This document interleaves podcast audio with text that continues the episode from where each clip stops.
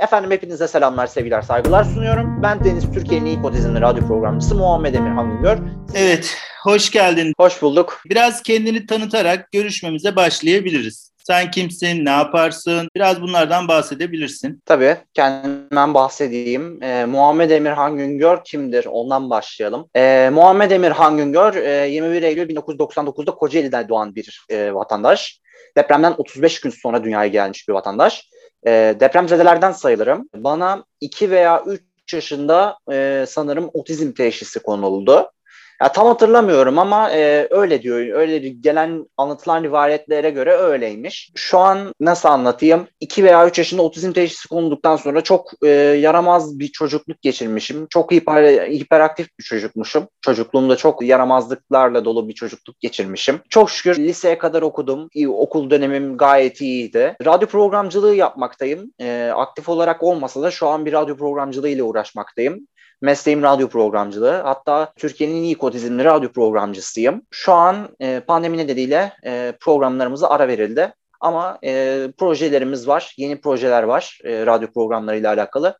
Onları da ilerleyen dakikalarda inşallah anlatacağım. E, o zaman biraz çocukluğunla ilgili hatırladıklarını anlatır mısın bize? Neler anlatıyorlar sana? Sen neyi hatırlıyorsun? Bu otizm sen nasıl yaşadın? Şöyle yaşadım. Aslında ben çocukken bu hastalığın hiç fark farkında değilmişim. E, çok yaramazlık yaptığımdan mıdır bilmiyorum. Ama anlatılan yani bana e, hiç yani çocukluğum şeye kadar bir belli bir yaşa kadar herhalde 8-9 yaşına kadar otizmli olduğumu hiç bilmiyordum. Benim otizmli olduğum zamanlarda çocukluğumda e, çok güzel bir çocukluk yaşıyordum. Kendime kendime anlatayım, övüyorum diye söylemiyorum ama ben çocukluktan beri televizyon, radyo, gazete, medya iletişim araçlarına gönül vermiş bir insanım. E, çocukluktan beri. Yani çocuklukta e, çok televizyon izlemişliğim vardı. Gazete takıntılığım vardı benim. Aslında benim radyocu olma hikayem bu gazeteden, radyodan, televizyondan başlıyor. 16 yıldır düzenli olarak radyo dinleyen bir insanım. Radyoyu keşfetmiş, küçük yaştan itibaren radyoyu keşfetmiş ve yani büyük imkanlarla, küçük imkanlarla bunu sağlamaya, radyo dinlemeye çalışan bir gencim diyelim. Peki e, eğitim sürecin nasıl geçti? Okul hayatın, ilkokul, ortaokul, lise, üniversite okudu mu bu arada? Üniversite okumadım. Keşke okusaydım ama içimde hep ukde kaldı. Keşke okusaydım. Onunla ilgili de çok anılarım olmadı ama keşke olsaydı diye de bazen söyleniyorum. Üniversite okumak bana göre şey e, güzel bir şey. Çünkü o üniversite ben üniversite okuyanların haline çok imreniyorum, imrenen bir insanım. Çünkü üniversitelilerde, üniversite okurken insanlarda ne ararsanız var. Üniversite okuyorsunuz. E, mesela benim okumak istediğim, üniversitede okumak istediğim bölüm radyo, televizyon, e, sinema bölümüydü. Fakat yüksek puanlarla girildiği için o bölüme ben üniversite sınavına da girmiş bir insanım. O puanı elde edemediğim için o üniversiteyi kazanamadım maalesef. E, 4 senedir farklı işlerle uğraşmakta e, uğraşmaktayım. Liseden sonra ben iş hayatına atıldım. İlkokul, ortaokul, lise e, dönemine gelecek olursak da ilkokul yılları, lise yılları, ilkokul yılları benim için çok güzel yıllardı. Ee, sıcak dostluklar edinmiştim. Harika dostluklar edinmiştim. Ee, ilkokul dost, dostlarımdan, ilkokuldaki dostlarımdan hala e, görüştüğüm birkaç isim var. Lisede, liseye gelince, lisede de pek e, şey ol, olduğum söylenemez. Huzurlu bir lise dönemi geçirdiğim söylenemez. Çünkü ben aile zoruyla e, meslek lisesi bölümü okumuş bir insanım. Aile zoruyla hiç istemediğim bir bölüm olan bilişim bölümünü okumuş bir insanım. Bilişim teknolojileri bölümünden mezun olmuş bir insanım. Çok zorluklarla açtım o bölümü. Nasıl diyeyim? Yani çünkü benim okumak istediğim bölüm dediğim gibi e, lisede de olsun, üniversitede de olsun e, radyo televizyondu. E, radyo televizyonla alakalı bir şeyler okumak istiyordum. Çünkü ben radyoya, radyoculuğa gönül vermiş bir insanım. Fakat olmadı. Kocaeli'de yaşadığım şehirde ben Kocaeli'de yaşıyorum bu arada. Kocaeli'de radyo televizyonla alakalı bir lise hiç yok. Yok denecek kadar az. Hatta hiç yok. Aile zoruyla ben bilişim bölümünü okudum. Çünkü neden aile zoruyla? Çünkü ailem bunun bana bu bilişim bölümünün şu ana kadar okuyabileceğim en kolay bölüm olduğunu söylediler. Ama yani ne kadar kolay gözükse de aslında birkaç zorlukla karşılaştım çok zorlukla karşılaştım ben bilişim bölümünde. İşte hocaların sertliği mi desem yoksa klasik sınavlar mı desem. Klasik sınavlardan da aşırı bir şekilde nefret eden bir insandım. Ee, bana hocalarıma ben sürekli yalvar yakar test isterdim. bana özel test hazırlanmasını isterdim. Yani lise dönemi biraz sancılı bir şekilde geçti bu süreçte. Liseden 2017 yılında mezun oldum. 2017 yılında mezun olduktan sonra e, iki farklı iş denedim. E, lokantada çalıştım. Lokantada garsonluk yaptım e, birkaç ay. E, sonra da bir pişmaniye fabrikasında bir yıl kadar çalıştım. Yani iş hayatına gelecek olursak yani böyle diyelim. Şu kısmı biraz daha anladıktan sonra senin bu radyo programcılığı hikayeni tekrar bir dinleyelim ve radyoda neler yaptığını anlat bize olur mu? Ama önce şunu biraz anlayalım. Senin küçüklüğünde otizm denildiği zaman hani mesela göz teması kurmama, konuşamama, stereotipik hareketler, hareketlilik ya da başka davranışlar neler vardı hatırladığın? Yani mesela sen konuşmaya ne zaman başladın? Konuşmaya tam olarak ne zaman başladığımı hatırlamıyorum ama ben şöyle söyleyeyim. 2014 2004 yılından 2018 yılına kadar e, tam 14 yıl boyunca e, aralıksız bir şekilde özel eğitim aldım. Özel eğitim anılarım da çoktur. E, tek başıma girdiğim dersler, e, yüz yüze hocalarımla, öğretmenlerimle olsun girdiğim dersler vardı. O günleri şimdi mumla aramaktayım. E, keşke geri dönsem. Çünkü belirli bir şekilde e, psikolog desteği de alıyordum. Benim gerçekten e, zorlandığım şeyler vardı. Psikolog desteği al, alıyorum. Neden psikolog desteği alıyorum? Çünkü alıyordum. Çünkü çok kötü bir dönemden geçtim. E, yıllarca ben hiç yüzüm gülmemiş bir insan. Yüzüm gülmedi. E, okul yani olsun, lise olsun. Özellikle lise yıllarında benim güzel gülen yüzüm soldu. Psikolog desteği aldım. Öyle yani. Peki hareketliydim dedin. Ee, bu hareketlilik tam olarak nedir? Hareketlilik, e, yaramazlık gelince yaramazlıktan bahsediyorsunuz sanırım. E, yaramazlık e, konusunda işte bir şeyleri kırıp döken evde, küçüklüğümde ee, annemin sözünü dinlemeyen, olur olmaz yerde midem bulanıyordu mesela annemin yedirdiği mamalardan e, küçüklükte. Böyle kötü şeyler olabiliyordu. Ama çok şükür şu an iyiyim. Elim ayağım tutuyor. Şu an bir yaramazlık yapmıyorum. Böyle bir şeyler Okuma yazmayı yapıyorum. kaçıncı sınıfta öğrendin? Okuma yazmayı ilk e, özel eğitimde öğrendim. Özel eğitim kursunda öğrendim. İlk okuma yazma şeyini yani okul döneminde ilk okuma yazmayı söken kişi bendim. Öyle söyleyeyim. Ee, daha sonra okuma yazmayı öğrendikten sonra el yazısı de, derken, el yazısıydı, normal yazıydı derken işte bir şeyler karalayan, bir şeyler şey yapan, bir şeyler yazan, o konuda çalışmalar yapan biri. Okul yıllarında hangi dersleri daha çok seviyordun, hangilerini sevmiyordun? Okul yıllarında ilkokul mu lise mi? İlkokuldan başlayarak anlatabilirsin. Aklına geldiği gibi konuş lütfen. İlkokulda ben tüm dersleri seviyordum. Şöyle söyleyeyim, ilkokulda hocalarımı çok seviyordum. Yani din olsun, Türkçe olsun, hayat bilgisi olsun, matematik olsun. Yani tüm dersleri ben ara, yani aralıksız bir şekilde şey yapıyordum ilkokul döneminde. E, ortaokul ve liseye gelecek olursak e, benim takıldığım çok konu oldu. Yani giderek sınıf atlattıkça e, ben okul döneminde zorlanmaya başladım. Dediğim gibi işte hocalardan, öğretmenlerimden ben lise döneminde hocalarımız bizlere klasik sınavlar yaparlardı. Klasik bir şekilde test yapmazlardı kesinlikle.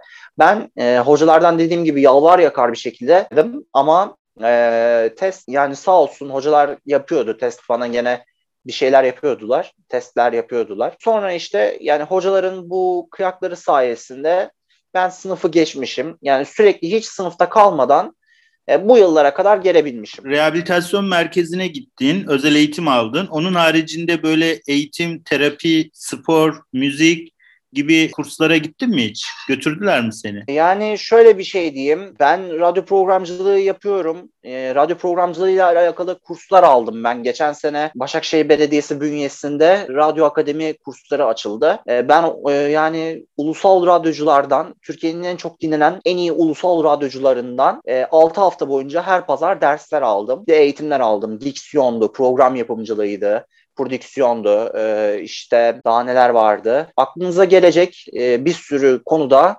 radyo ile alakalı ben dersler aldım. Ayrıca bir 2017 yılında liseden mezun, mezun olduktan bir 2-3 ay kadar sonra e, diksiyon eğitimi aldım. İlkokul, ortaokul yıllarında hiç kursa gittin mi? Özel eğitim dışında hani psikoloğa gittim dedin. Çocukluğundan itibaren mi gittin yoksa? Ya çocukluğumdan itibaren gitmedim psikoloğa. Psikoloğa lise yıllarımda, lise yıllarımın başında psikolog eğitimi aldım. Yani o günler o günden 2018'e kadar sanırım 4-5 yıl kadar aralıksız bir şekilde psikolog eğitimi aldım. Psikolog eğitimi aldım derken İşte dertlerimi anlattım. Derdimi, sıkıntımı anlattım. Çünkü çok kötü bir dönem geçirdim. Lise döneminde e, çok kötü zamanlardan geçtim. Yani tam olarak gençliğimi yaşayamadım. Hala da yaşayamıyorum. Hala, şu anda da hala hazırda bir psikolog eğitimine, bir psikologtan, psikologla dertleşmeye gerçekten benim ihtiyacım var diyelim. Peki şu anda bir özel eğitim raporun var mı? Özel eğitim raporu e, hangisi oluyor? Rehberlik şey mi? Rehberlik araştırma mı? Evet. Hani bir rehabilitasyon merkezine gidiyor musun hala? Hayır şu an gitmiyorum. 2000 bundan 3 sene öncesine kadar gidiyordum. Yani 3 sene sonra yani 3 e, seneden beri gitmiyorum rehabilitasyon merkezine. Zaten günlerim benim evde geçiyor. 7 gün 24 saat evdeyim. Zaman zaman e, dışarı çıkıyorum ihtiyaçlarımı karşılamak için. Günlük hayatta mesela hobim benim hobim müzik dinlemek. Her radyo programcısının e, hobisidir müzik dinlemek bu arada. E, her radyo yayıncısının hobisidir müzik dinlemek. E, hatta benim şurada bir albüm arşivim var. Albüm alırım bazen. Bazen elimde param varsa, mutlaka bir elimde bir para varsa 20, 30, 40 lira. Mutlaka ben o parayı ya albüme harcarım ya dergiye harcarım. Müzik dergisine harcarım. Ya da yemek alışverişi yaparım. Karnımı doyurmak için bir şeyler şey yaparım. Harcam yaparım. Ama yani mümkün mertebe e, albüm arşivi arşivliği yapmaya özen gösteriyorum. Yani 5 senedir, 5-6 senedir albüm arşivliği yapıyorum. Peki Muhammed Emirhan Güngör kimdir diye sorduklarında sen ne cevap veriyorsun? Muhammed Emirhan Güngör kimdir diye sorduklarımda duygusal, otizmli olan, duygusal ama hüzünlü, bir o kadar da hüzünlü, renkli bir kişiliği çok az olan bir genç diyorum. Ne demek renkli bir kişiliği az olan ya da hüzünlü? Senin için ne demek? Ee, hüzünlü çünkü şöyle e, benim hayatta isteklerim var. Bazen yapmak istediğim ama yapamadığım isteklerim oluyor. Hayallerim oluyor. Şöyle yani hayallerim oluyor. Hayallerim var. Ama ben hayallerimi gerçekleştiremediğim zaman böyle hüzne kapılıyorum. Ee, ya hüzne kapıldığım zaman ya odamın kapısını kapatır, kulaklığımı takar. Yani duygusal şarkılar eşliğinde ya ağlamakla ağlamamak arasında bir gidip gelirim. Çünkü dertli olduğum zaman yani tek ilacım benim hüzünlü şarkılar. Renkli bir kişiliği az olan demek de şöyle. Renkli bir kişiliği az olan yani gençliğini gençliğimi yaşayamadığımı söyledim ben. Gençliğimi yaşayamadığım için renkli bir kişiliğim az diyorum. Çünkü bazen hayatta güldüre yani insanları güldürebiliyor muyum?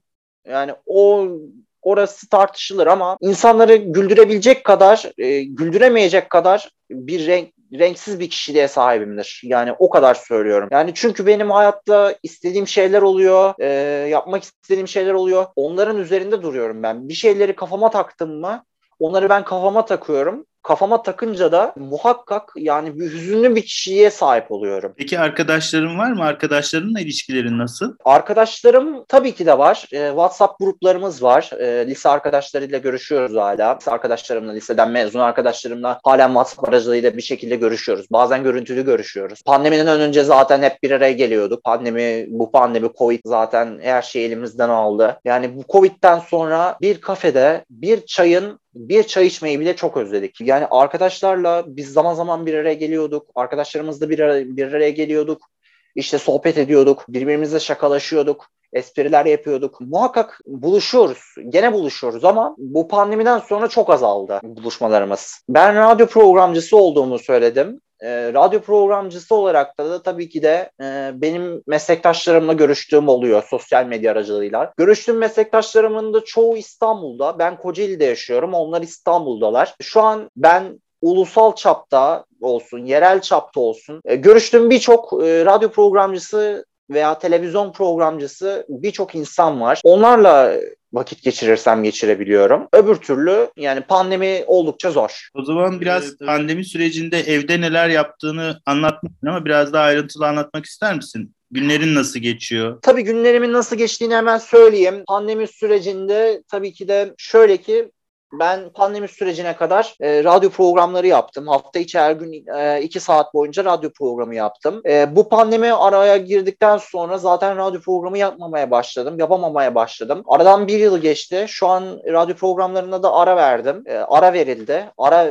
yani mecburi olarak ara vermek zorunda kaldım. Çünkü pandemi Dolayısıyla kimse bir iş yapamıyor. E, bu pandemide de zaten kimsenin kimseye iş vermesi biraz zor bir şey. Günlerim evde geçiyor. Haftanın 7 günü elimde sadece telefonla, sadece sosyal medyaya bakarak geçiyor. Yani çoğu haberi e, radyo dünyasında olsun, normal gündem olsun, siyaset olsun, e, birçok şeyi, magazin olsun, birçok şeyi e, ben şeyden alıyorum yani sosyal medyadan alıyorum. Sosyal medya artık yeni bir iletişim aracı haline geldi. İnsanların kullanabileceği bir sık kullanabileceği bir iletişim aracına geldiği için e, ben de bu şeyden yararlanarak e, haftanın 7 günü 24 saat boyunca elimde telefonla sadece sosyal medyada dolaşıyorum. E, başka yaptığım bir aktivite yok. Olursa belirli işler oluyor, belirli projeler oluyor. Şu an üzerinde durduğumuz projeler var. Onların üzerinde çalışıyorum. Projelerime de yoğunlaşmaya özen gösteriyorum. Öyle. Biraz bahsetmek ister misin projelerinden? Ve radyo Tabii. programcılığından da bahsedebilirsin biraz. Nasıl başladı? Biraz bilgi verdin ama e, biraz daha ayrıntılı anlatabilirsin şimdi. Çok güzel söylediniz. E, radyo programcılığına nasıl başladım? Hemen şöyle söyleyeyim. On, önce ondan başlayayım. Benim radyo programcılığına başlamam aslında biraz zor oldu. Sıkıntılı ve sancılı oldu. E, ben radyoyu çok küçüklükten beri dinliyordum. E, radyonun hastasıyım önce radyoya nasıl önce bu radyo sevdasına nasıl başladığımdan söz, edeyim, söz edeyim ben size. Ben Allah sizi inandırsın 5 yaşında e, radyo dinlemeye başladım. Radyoyu da nasıl keşfettim? Hemen onu söyleyeyim. Odamda şu an durduğum bu odada ben bu odayı 21 senedir kullanıyorum. 21 yaşındayım şu an. Ben odada durduğumda bir e, müzik seti gibi bir şey var odamda. E, kasetli, teypli, kasetli bir müzik çalar kasetli radyolu bir müzik seti. Ben orada bir radyoyu dinlerdim. İsmini vermeyeyim o radyonun ama e, çok bilindik bir radyo. O radyoda benim ilk dinlediğim programcı e, herkesin çok sevdiği Nihat Sırdar, e, Zeki Kayan Coşkun, kulakları çınlasın. Ben onları dinleyerek büyüdüm. Tabii birçok radyocu daha var benim ilk başta dinlediğim. Onlardan ilham alarak ben aslında bu mesleğe başlama hikayem oldu. Başladı. Ben bu mesleğe yani onlar sayesinde başladım. Onların ilhamıyla başladım. Ama şu radyocu programcılığına nasıl başladığıma gelecek olursak da biraz sancılı dediğim gibi. Kocaeli'de, e, Kocaeli İstanbul kadar değil. Kocaeli'de çünkü yüzden fazla radyo yok. Kocaeli'de yüzden fazla radyo yok. Yani toplasanız e, Kocaeli'de yani 5 veya çok rahat bir şekilde 10 tane radyo vardır. Fakat e, radyo pro, radyolar, Kocaeli'deki radyolar şey almıyor, programcı almıyor. Bir türlü programcı kabul etmiyor. Ben lise son sınıfta staj yapacaktım. E, zorunlu bir stajım vardı. Stajımı radyoda yapmayı düşünmüştüm. Fakat e, radyoların kapısını çalmayı denedim e, radyoların kapısını çalmayı denediğimde insanlar benim ben otizmli olduğum için beni insanlar ötekileştirdi. Biz üniversite stajyeri alıyoruz veya biz buraya otizmli bir birey almıyoruz diye bana yalan söylüyorlar. Ötekileştiriyorlar. Hal böyle olunca ben stajımı maalesef yani benim 14 yıl boyunca eğitim gördüğüm özel eğitim kurumunda yapmak durumunda kaldım. Radyo programcılığı çok zor bir meslek. E, onda nasıl başladığımı hemen anlatayım size. Ben bir gün pişmaniyede çalışıyordum. E, pişmaniyede çalışırken hırs yapmıştım. Radyo programcılığını kendime hırs yapmıştım. Artık pişmaniye fabrikasında çalışıyordum. Çok sıkıldım. Artık işlerden bunal bunalım geçirecek kadar çok sıkılmıştım. Yani bir gün işi bıraktım. Kaçtım gittim. Hemen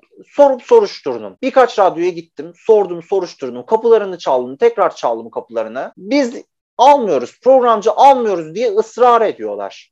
Sürekli ısrar edip duruyorlar. Kapısını çalmadım bir radyo kalmıştı. Kocaeli'de. Hemen oraya gittim son olarak son şansımı orada denedim. Kapısını çaldım o radyonun e, ve iş başvurusunda bulundum. İşte kağıt doldurttular bana. Sonra işte Orada radyoda yayın yapan bir programcı arkadaş vardı. E, ismini de vermeyeyim. Şu an o programcı arkadaşla görüşmüyoruz. E, o programcı arkadaştan arkadaşla ben konuştum. Kendim, kendimden bahsettim. Radyoculuk yapmak istediğimi ve kimsenin benim elimden tutmadığını söyledim. Sonra bir bakarız dediler. E, bunu bir değerlendirmeye alırız dediler. Benim benim görüştüğüm kişi tabii ki patronuna söylemiş işte şöyle şöyle bir arkadaşımız var. İsmi Muhammed Emirhan Güngör. Ben ıı, program yapmayı çok istiyormuş. Radyoculuk yapmayı çok istiyormuş ama elinden kimse tutmamış diye e, patronuna söylemiş. Ve bundan sonra da ne olduysa o zaman oluyor ve bunun şey buna ne, ne olduysa o zamandan sonra oluyor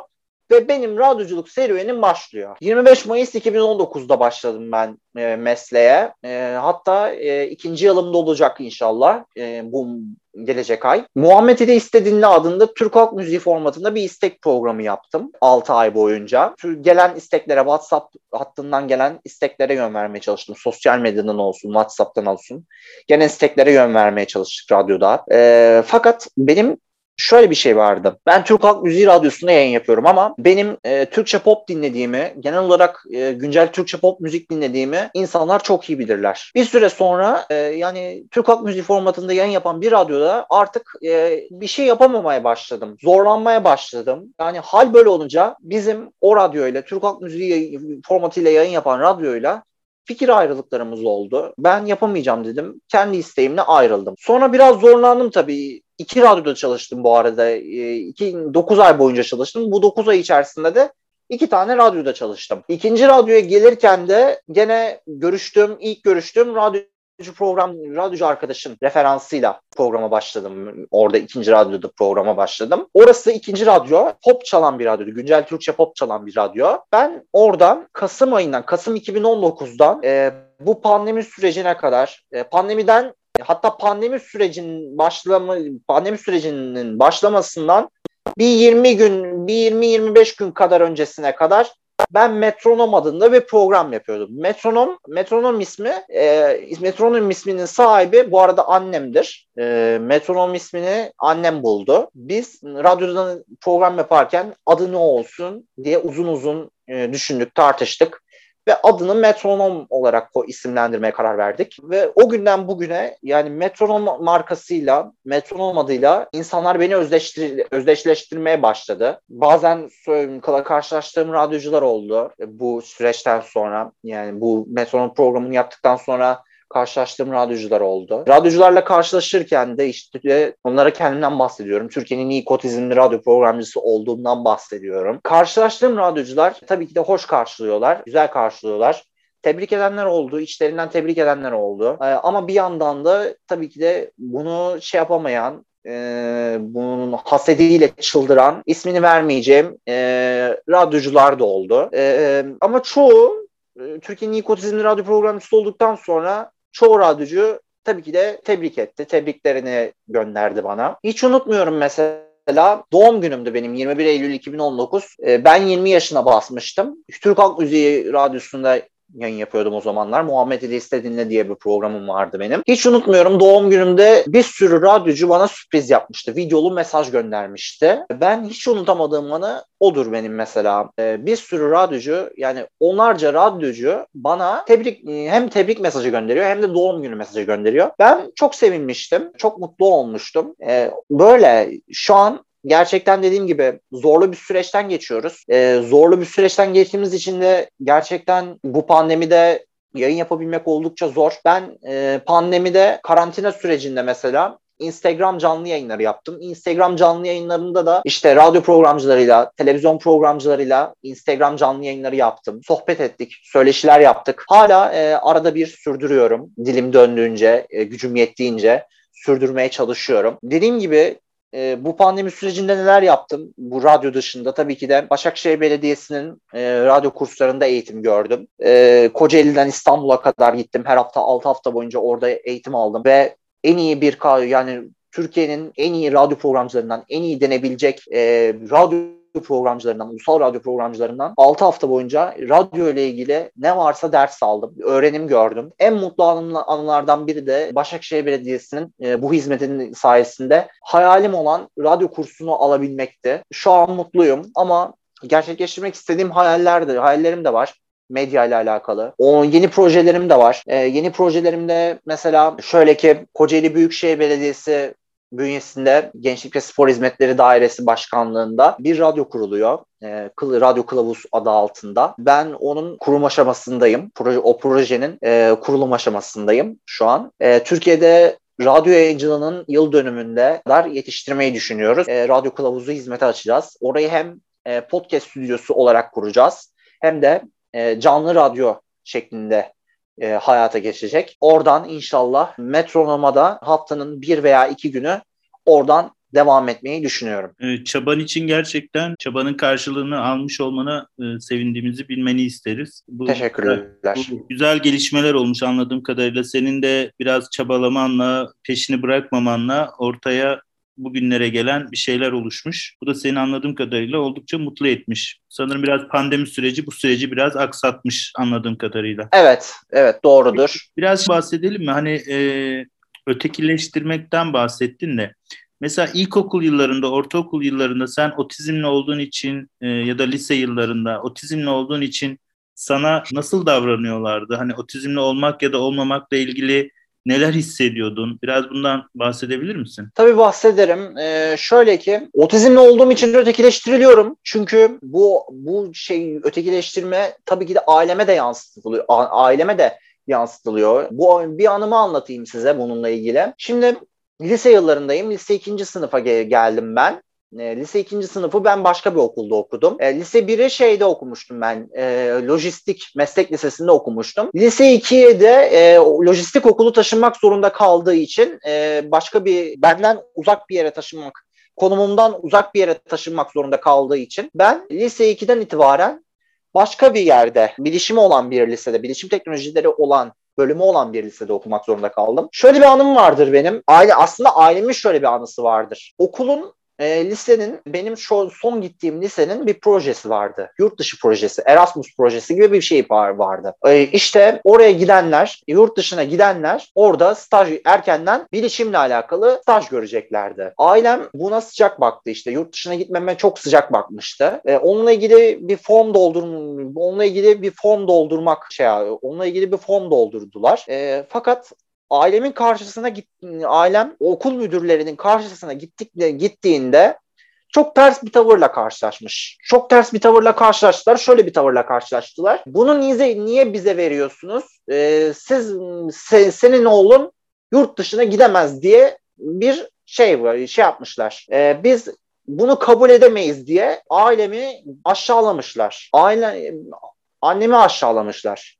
Annem ağlaya ağlaya çıktı okulun kapısından ya müdürün kapısından pardon ve benim sık sık görüştüğüm okul psikoloğumun yanına gitmiş. Derdini anlatmış. Onun, onun aracılığıyla formu vermiş. Ama seçildim mi ıı, yurt dışına? Tabii ki de seçilemedim. Zaten ben sıcak bakmıyordum yurt dışına. Ailemin ailem boşu boşuna üzüldü diye tahmin ediyorum. Arkadaş konusuna gelince de e, ben arkadaşlarımla çok iyi bir arkadaşlığım oluyor. Yani dışlan dışlanmakla dışlanmamak arasında gidip geliyordum. Bazı arkadaşlarım dışlıyordular. Bazı arkadaşlarım dışlamıyordular. Ee, bana bazen komplo kurdukları bile oluyordular. Yani komplodan kastım beni istemiyordular. Sınıf bazı insanlar sınıf aynı ortamda bulunduğum sınıftaki bazı insanlar beni istemiyordular. Şöyle ki bir kız var. Bir okulumuzda bir kız vardı. O kız benden aşırı bir şekilde nefret ediyor. Saldıracak yer arıyor. Bana saldıracak yer arıyor. Ben ona yanlışlıkla bir hakaret etmiştim. 2015 yılında sanırsam. Gene lise 2'de veya 3'te. Sanırım lise 2'de. Ona yanlışlıkla istemeden de olsa bir hakaret etmiştim. Sonra o, o hakaretten sonra, o hakaret olayından birkaç gün sonra okulda çok şey okulda çok okulda bir dersteyiz. Çok gürültü geliyordu. Çok çok gürültü geliyordu. Hocanın söyledikleri neredeyse anlaşılmıyordu. Benim ben benim ona yanlışlıkla hakaret ettiğim kız bağırdı. E, işte herkes sussun, hocayı dinleyin diye. Niye konuşuyorsunuz diye söylendi. Ben de ona dedim ki sen sanki konuşmuyorsun dedim. Sen sanki çok konuşmuyorsun dedim. Ne olduysa o zaman oldu. O kız geldi bana saldırmaya başladı ve kulağım kulağımdan beni yaraladı. Kulağımın arkasından e, tırnaklarıyla beni yaraladı. Sonra yani bir şekilde kavga ettik. Kavga, sürekli bu şekilde istenmeyen durumlar da oldu. Ama sonra tatlı bir şekilde tatlıya bağladık, barıştık. Ama şu an hayat şartları dolayısıyla kendisiyle görüş, görüşemiyoruz o kızla da. Bu arada şunu da konuşalım.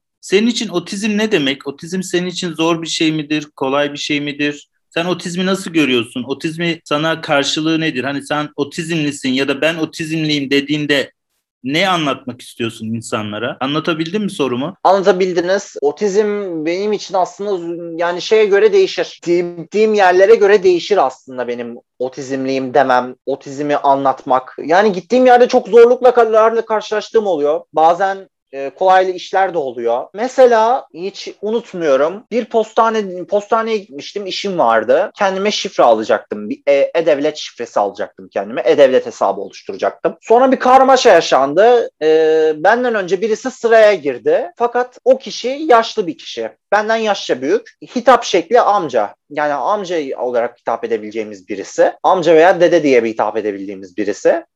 Sonra karışanlar oldu. Ben de ben engelliyim dedim. Otizmliyim dedim. Haksızlık yapıldı bana dedim. Hayır, hayır sana haksızlık yapılmadı denildi. Bağırıyor bu insanlar bu insan bana o adam adamı yaşlı adamı savunan adam bana bağırmaya başladı. Yani küfürler hakaretler havada uçuşuyor. Öyle bir şey. Geçen yıl yaz ayında yaşamıştım ben bu durumu. Çok zor bir şey yani. Peki sen şimdi radyo programcılığı yaparken e, otizmle ilgili konuşuyor musun? Anlatıyor musun? Bahsediyor musun? Radyo programcılığı yaparken hayır otizmden bahsetmiyorum ama programı kapatırken veya programı açarken e, Türkiye'nin ben şöyle girerim. Efendim hepinize selamlar, sevgiler, saygılar sunuyorum. E, metronoma hoş mesela atıyorum metronoma hoş geldiniz. İki saat boyunca güncel müzik şarkılarla, müzik haberleriyle beraber ben, ben Deniz Türkiye'nin ilk otizmli radyo programcısı Muhammed Emir Hangıngör sizlerle birlikte mikrofon başında olacağım diyorum. E, program sonunda da derim. Program başında da program sonunda da diyorum. Türkiye'nin ilk otizmli radyo programcısı Muhammed Emir Hangıngör ben derim her şekilde. Yayınlarına hiç otizmli aileler ya da otizmli çocuğu olan insanlar ya da otistik olan kişiler bağlandı mı? Ben yayınlarıma telefon bağlantısı almıyorum. Telefon bağlantısı veya konuk almıyordum e, hiçbir şekilde. Konuk alırsam da muhakkak ya sanatçı konu olur ya da e, başka bir şekilde sanatçı konu olur. Yani programa alırsam mutlaka sanatçı konuğu alır, almaya çalışırdım. E, işte sanatçı konuğu alırken de mesela bir kişinin albümü çıkıyor veya single'ı çıkıyor. O single'ı çıkan kişi veya albümü çıkan kişi e, ertesi gün veya albümünün çıktığı gün telefonla bağlanır. Format bu. Anladım. Peki Bence gelecekte ne yapmayı düşünüyorsun? Ne olur? Hani sen böyle devam ettiğin zaman ileride neler düşünüyorsun? Neler olur? Ne istiyorsun? İlerisi için bir şey söyleyemem. Çünkü iki yıl sonra bundan iki üç yıl sonra kendimi çok yükseklerde görmüyorum açıkçası. Çünkü Kocaeli bana göre çok küçük bir şehir. Yani Kocaeli'de artık insanlar yani çok yani Kocaeli'den nasıl desem Kocaeli'de bazı radyo patronları çok nankör insanlar. Ee, kendini düşünen, e, kendine Müslüman olan çok radyo patronu var ve hiç İstanbul gibi değil ve girdiğiniz bunu yerler... duyarlarsa, bunu izleyip duyarlarsa da bu sefer sana hiç iş vermezler. Ya ama gerçekten böyle. Yani ben yüzlerine vuruyorum. Yani ben yüzlerine vurmak zorundayım. Çünkü bazı insanlar gerçekten böyleler. Tamam eyvallah. Sen şey olabilirsin. Yani senin yapın böyledir ama patronların da bir şeyin ol şey olması lazım. Düzgünlülüğü de olması lazım. Yani benim son girdiğim radyoda radyonun patronu bana sürekli mobbing uyguluyor. Mobbing derken mobbingten kastım zorlama uyguluyor. Yani şöyle anlatayım size. Sosyal medyada yaptığım 10 paylaşımdan 7'sine karışıyor. İşte şunu atma, bunu atma. Yani çok mobbing uyguluyor benim patronum. Ben oradan hem kendi isteğimle ayrıldım. Kendi isteğimle ayrıldım da veya e, kendi isteğimle ayrılmakla çıkarılmak arasında bir şey var orada. Ben zaten e, çıkarıldım çıkarıldığımda içinde de şu an kafam rahat zaten. Yani bir daha girmek ister miyim Kocaeli radyolarına? Tabii teklif gelirse neden olmasın? Ee, biz bu saatten sonra teklifleri seve seve değerlendiririz. Ama dediğim gibi benim kendi amaç kendi kendimce yaptığım projeler var. İşte dediğim gibi Kocaeli Büyükşehir Belediyesi bünyesinde Radyo Kılavuz hayatı, yayın hayatına başlayacak. Hem podcast stüdyosu oluşturulacak orada hem de bir radyo stüdyosu, canlı radyo yapılacak. E, ben oranın kurucu kadrosunda yer alıyorum dediğim gibi. Onlarla işler yapacağız inşallah e, Mayıs ayından sonra, Mayıs veya Haziran ayından sonra. Ama e, kesin bir şey söyleyemem. E, Mayıs ayında veya Haziran ayında inşallah başlarız diye düşünüyorum. Ben de çok özledim radyo yayıncılığı yapmayı. Zaten bu konuda çalışmalarım da devam ediyor. E, mesela Yarın İstanbul'a gideceğim. Ee, İstanbul Esenler Belediyesi'nin şöyle bir hizmeti var. Radyonun Yeni Yıldızları diye bir kurs açıyor. Kursa katılacak olanlara da ulusal ve yerel radyolarda staj imkanı verilecekmiş. Yarın da sağ olsun başvurumu yaptım. Ee, yarın da sağ olsun mülakata çağırdı. Sağ olsunlar mülakata çağırdılar beni. Yarın soluğu İstanbul'da alacağım. Benim hayallerimden birisi de aslında 4 senedir liseden mezun olduğumdan beri hayallerimden birisidir bu ulusal radyoda bir ulusal radyoda yayın yapmak. Ben bunu gerçekten çok istiyorum. Çünkü ulusalda yani güzel yani ulusaldaki yaşam şartlarını ben güzel buluyorum. Hayat şartlarını ulusal radyolardaki hayat şartlarını ben güzel buluyorum. Peki oraya yıl... mesela neler yapmak isterdin? Ne yapardın? Orada mesela sen şu anda radyo yayıncısısın. Ne yapmak isterdin? E, yayıncı demeyelim. Stajyer olarak ben orada görev yapmak isterdim. Staj, staj imkanı verecekler çünkü bana. Şöyle ki ben pandemiden önce bir kanala ziyaret etmeyi çok bir kanalı ziyaret etmeyi çok istiyordum. Bir e, çok sevdiğim bir kanalı ziyaret etmek istiyordum. Sunucularını görmek istiyordum. Pandemi öncesinden planlar yapmıştım hatta. Geçen sene 2 Nisan Dünya Otizm Farkındalık Günü'nde ben o kanala gidip ziyaret gerçekleştirecektim. Ve ben e, hayalim olan Otizm Farkındalık Günü'nü hiç tanışmadığım, daha önce hiç tanışmadığım bir kanal sunucusuyla bir gün geçirebilirdim. Fakat araya pandemi girdiği için yapamadım ve ben bunu bir yıldır yapamıyorum. Ve ben o kanalı ve ben şu an o kanala ulaşmak için e, yani her yere yazıyorum. Cim yani Başakşehir Belediyesi'ne yazıyorum. Kocaeli Büyükşehir Belediyesi'ne yazıyorum. Ya yetmedi. Cimer'e bile yazıyorum. Beni o kanala ulaştırın. O programcıya ulaştırın diye yazıyorum. Hangi kanalı? Yani, buradan Bloomberg duyur. Tamam, Bloomberg buradan duyur istersen. Efendim?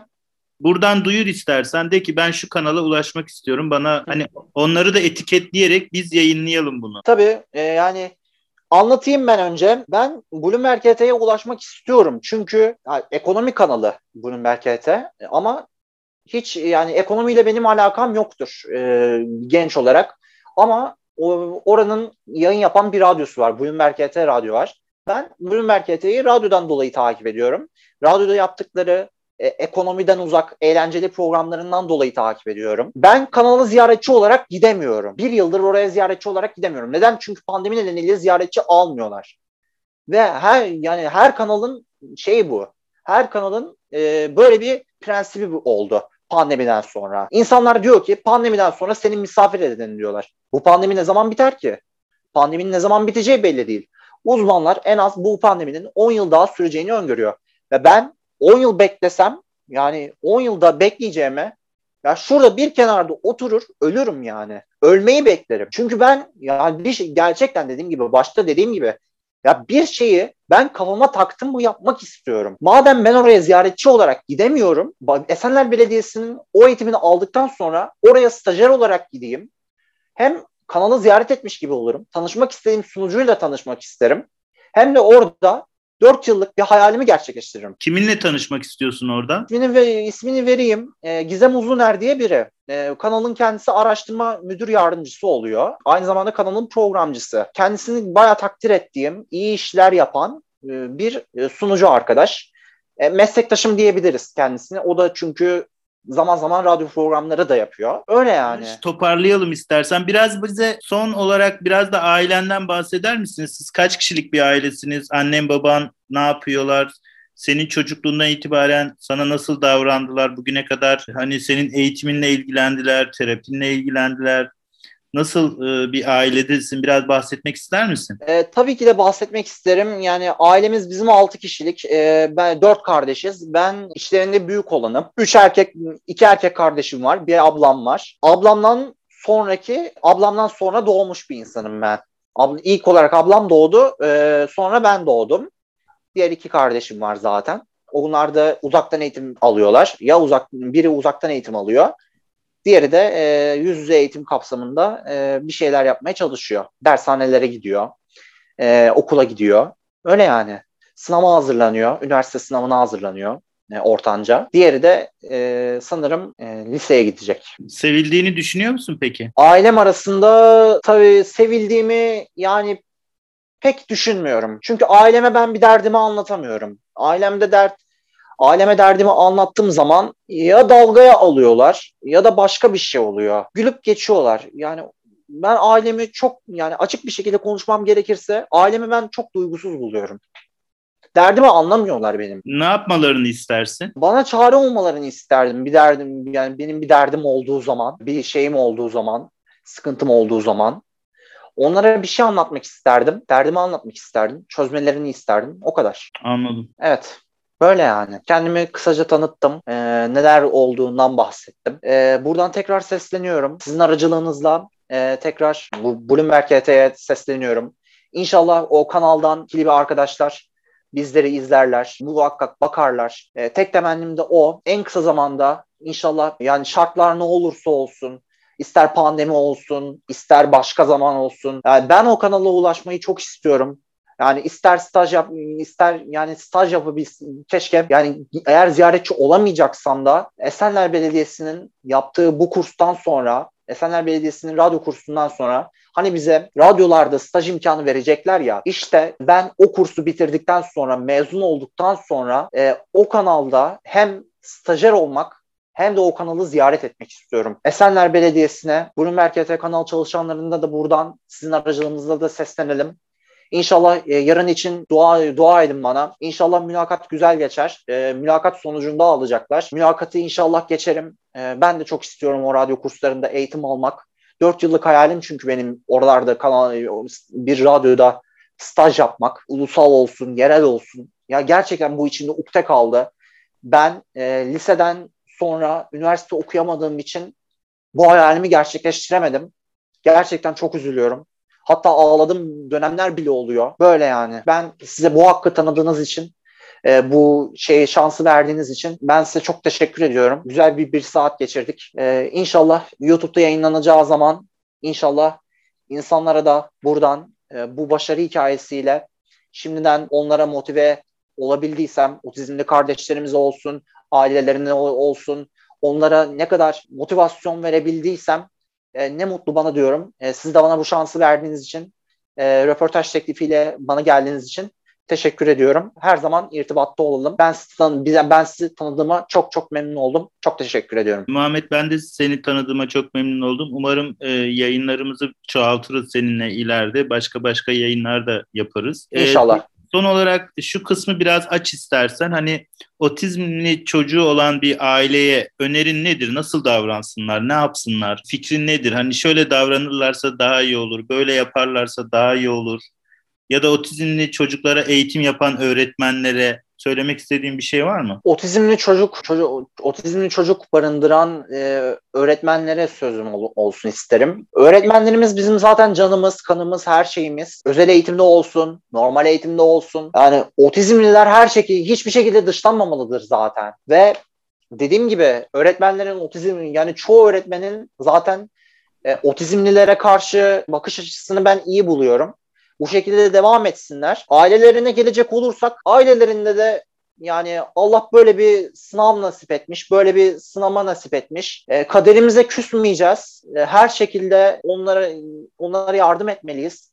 Otizmli kardeşlerimize yardım etmeliyiz diye düşünüyorum. Ben bu şekilde hayatımı sürdürüyorum. Yani hayatımdan memnunum. Bir otizmli olarak hayatımdan memnunum. 21 yıl 21 yıldır ben bu hayatı yaşıyorum. Ben halimden memnunum ama ne kadar ötekileştirilsem de, ne kadar dışlansam da ya gerçekten ben hayatımdan bir şekilde memnun olmaya çalışıyorum. Hayattan zevk almaya çalışıyorum. Yani hüzünlü bir kişiliğe sahibimdir ama bir şekilde mutlu olmaya çalışıyorum. Küçük şeylerle bile mutlu olmaya çalışan bir insanım ben. Öyle söyleyeyim size. Hayallerinin peşlerinden gitsinler. En önemlisi bu. Hayallerinin peşlerinden gitsinler. Ben tırnaklarımla kazıya kazıya radyo programcısı oldum.